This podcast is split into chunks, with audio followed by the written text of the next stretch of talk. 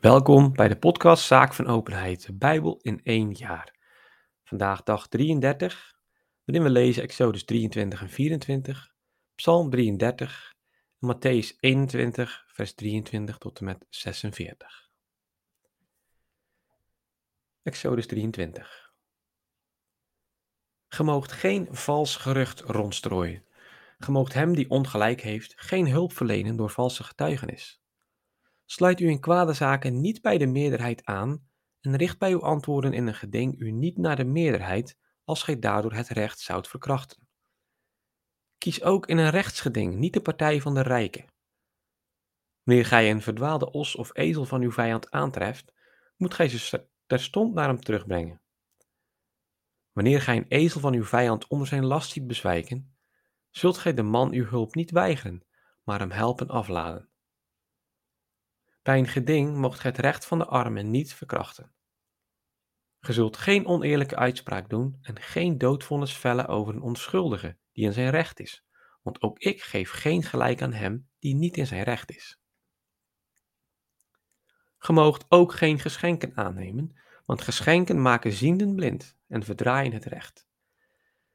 Eveneens moogt gij de vreemdeling niet verdrukken, want gij weet hoe een vreemdeling zich moet voelen daar gij zelf vreemdeling zijt geweest in het land van Egypte. Zes jaren moogt het land bezaaien en de vruchten ervan oogsten. Maar in het zevende jaar moet ge het braak laten liggen en niet bewerken. Dan zullen de armen onder uw volk ervan eten, en de rest zal het wild tot voedsel dienen. Zo zult gij ook met uw wijngaard en uw olijftuin doen, Zes dagen moogt gij werken, maar op de zevende dag zult gij rusten, opdat ook uw rund en uw ezel rust mogen hebben, en de zoon van uw slavin en de vreemdeling tot rust kunnen komen. Onderhoud alles wat ik u heb gezegd. De naam van vreemde goden zult gij niet aanroepen, die mag in uw mond niet worden gehoord. Driemaal per jaar zult gij ter ere van mij feest vieren.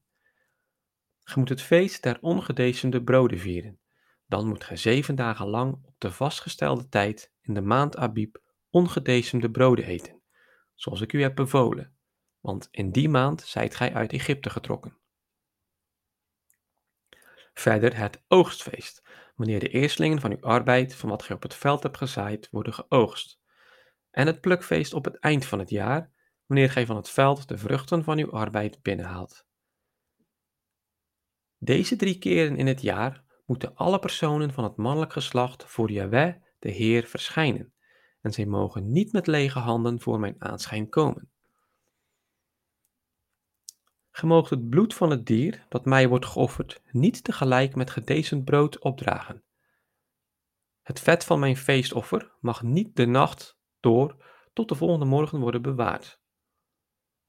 Het puik der eerstelingen van uw akker zult ge naar het huis van Jahweh uw God brengen. Ge moogt het geitje niet koken in de melk van zijn moeder. Zie, ik zend mijn engel voor u uit om u onderweg te bewaken en u naar de plaats te leiden die ik u heb bereid. Wees voor hem op uw hoede, luister naar hem en wees niet weerspannig tegen hem. Hij zal uw zonden niet vergeven, want in hem woont mijn naam. Maar zo gij naar mij luistert en alles doet wat ik heb gezegd, zal ik de vijand van uw vijanden zijn en de verdrukker van uw verdrukkers. Waarachtig, dan zal mijn engel voor u uitgaan en u aanvoeren tegen Amorieten, Gittieten, Perezieten, Kanaanieten, Gewieten, Jebusieten, en ik zal ze vernietigen. Hun goden moogt gij niet aanbidden of dienen, ge moogt hun daden niet navolgen, maar ge moet ze meedogenloos uitroeien en hun wijstenen verbrijzelen. Jawel, uw God moet gedienen. Dan zal ik uw brood en uw water zegenen, en de ziekte uit uw midden bannen. Geen vrouw in uw land zal een miskraam hebben of onvruchtbaar zijn, en het getal uw dagen maak ik vol. Dan zal ik mijn verschrikking voor u uitzenden, al de volken waar gij komt in verwarring brengen, en uw vijanden voor u op de vlucht drijven. Dan zal ik horsels voor u uitzenden, die de Gewieten, Kanaanieten en Gittieten voor u zullen opjagen. Maar ik drijf ze niet in een enkel jaar voor u weg anders zou het land een woestenij worden en zouden de wilde dieren de overhand krijgen. Slechts langzaamaan drijf ik hen voor u weg, totdat gij zo zijt aangegroeid dat ge het land in bezit kunt nemen. Dan zal ik uw grenzen trekken van de Rode Zee tot aan de Zee der Filistijnen, en van de woestijn tot aan de rivier, en alle bewoners van het land aan u overleveren. Ge moet ze verjagen, en ge moogt geen verbond met hen sluiten, noch met hun goden.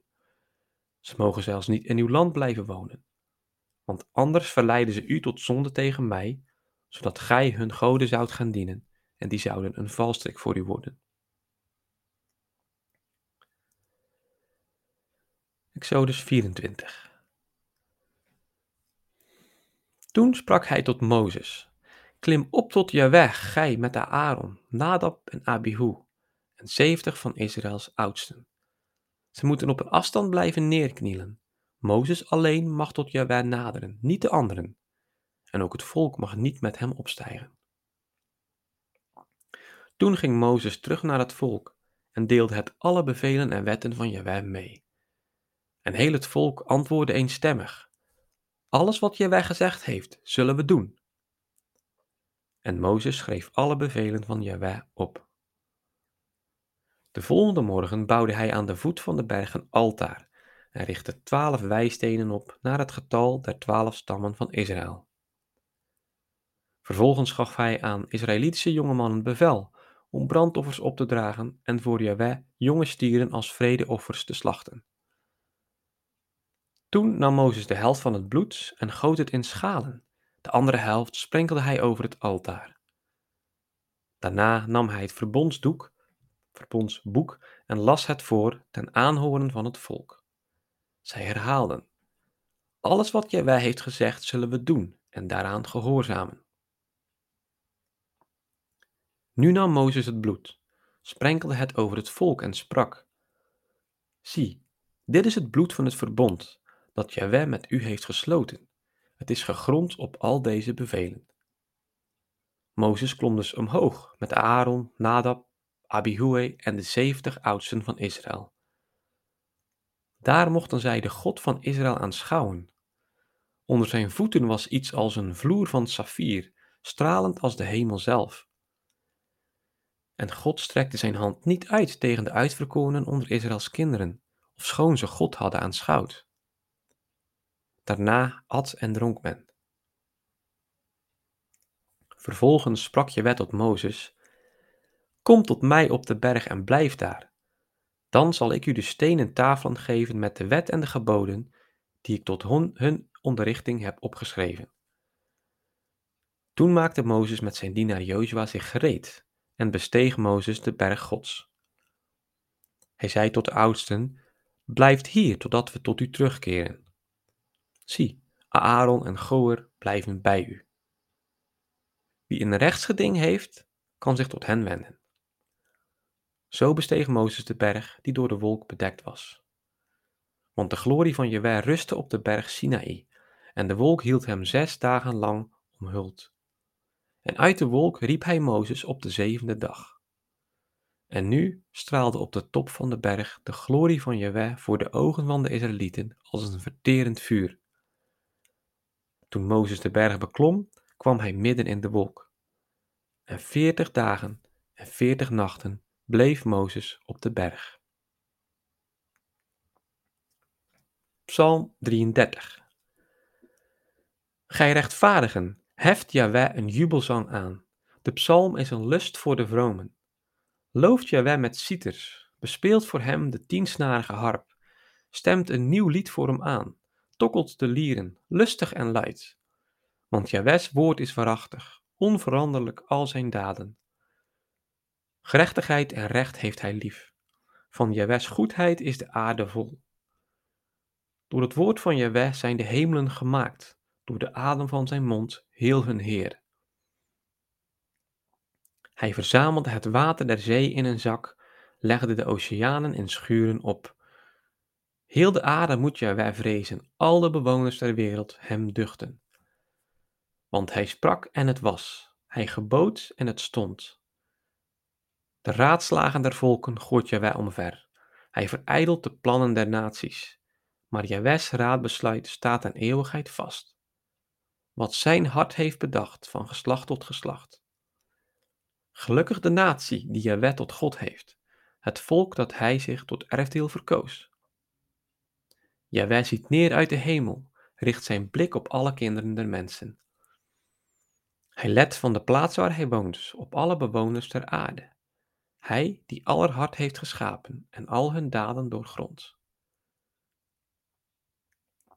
Geen koning overwint door de macht van zijn heer, geen held wordt gered door geweldige kracht.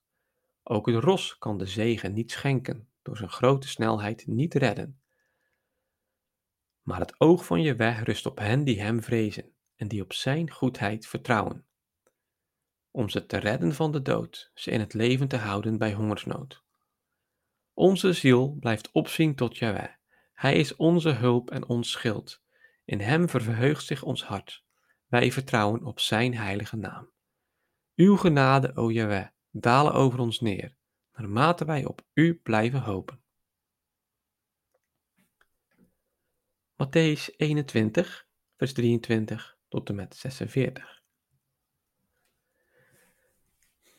Toen hij daarna in de tempel gekomen was en daar leerde, traden de oversten der priesters en de oudsten van het volk op hem toe en zeiden: Met welk recht doet gij dit alles en wie heeft u dit recht gegeven? Jezus antwoordde hen: Ook ik zal u een vraag stellen. Zo gij er mij op antwoordt, zal ik ook u zeggen met welk recht ik dit alles doe. Waar was het doopsel van Johannes vandaan? Van de hemel of van de mensen? Ze overlegden bij zichzelf. Als we zeggen van de hemel, dan zal hij ons toevoegen: Waarom hebt gij hem dan niet geloofd? Zeggen we van de mensen, dan hebben we het volk te vrezen, want allen houden Johannes voor een profeet. Ze gaven dus Jezus dan antwoord: We weten het niet. Nu sprak hij tot hen eveneens: Dan zeg ik u evenmin met welk recht ik dit alles doe. Wat dunkt u? Iemand had twee zonen. Hij ging naar de eerste en sprak: Mijn zoon, ga vandaag in mijn wijngaard werken. Deze antwoordde: Ik ga, heer. Maar hij ging niet. Hij kwam bij de andere en zei hetzelfde. Deze antwoordde: Ik wil niet. Maar later kwam hij tot één keer en ging. Wie van de twee heeft de wil van zijn vader volbracht? Ze zeiden: De laatste. Jezus sprak tot hen: Voorwaar ik zeg u, de tollenaars en zondaressen zullen eerder in het rijk Gods binnengaan dan gij. Want Johannes kwam tot u langs de weg der gerechtigheid, en gij hebt hem niet geloofd. Maar de tollenaars en zondaressen hebben hem wel geloofd. En zelfs toen gij dit hebt gezien, zijt gij nog niet tot inkeer gekomen en in hem gaan geloven. Luistert naar een andere gelijkenis. Er was een huisvader die een wijngaard plantte. Hij omringde hem met een muur, groef er een wijnpers in en bouwde er een toren op. Daarna verpachtte hij hem aan landbouwers en vertrok naar het buitenland. Toen nu de tijd van de oogst was gekomen, zond hij zijn dienaars naar de landbouwers om de hem verschuldigde vruchten in ontvangst te nemen. Maar de landbouwers grepen zijn dienaars vast.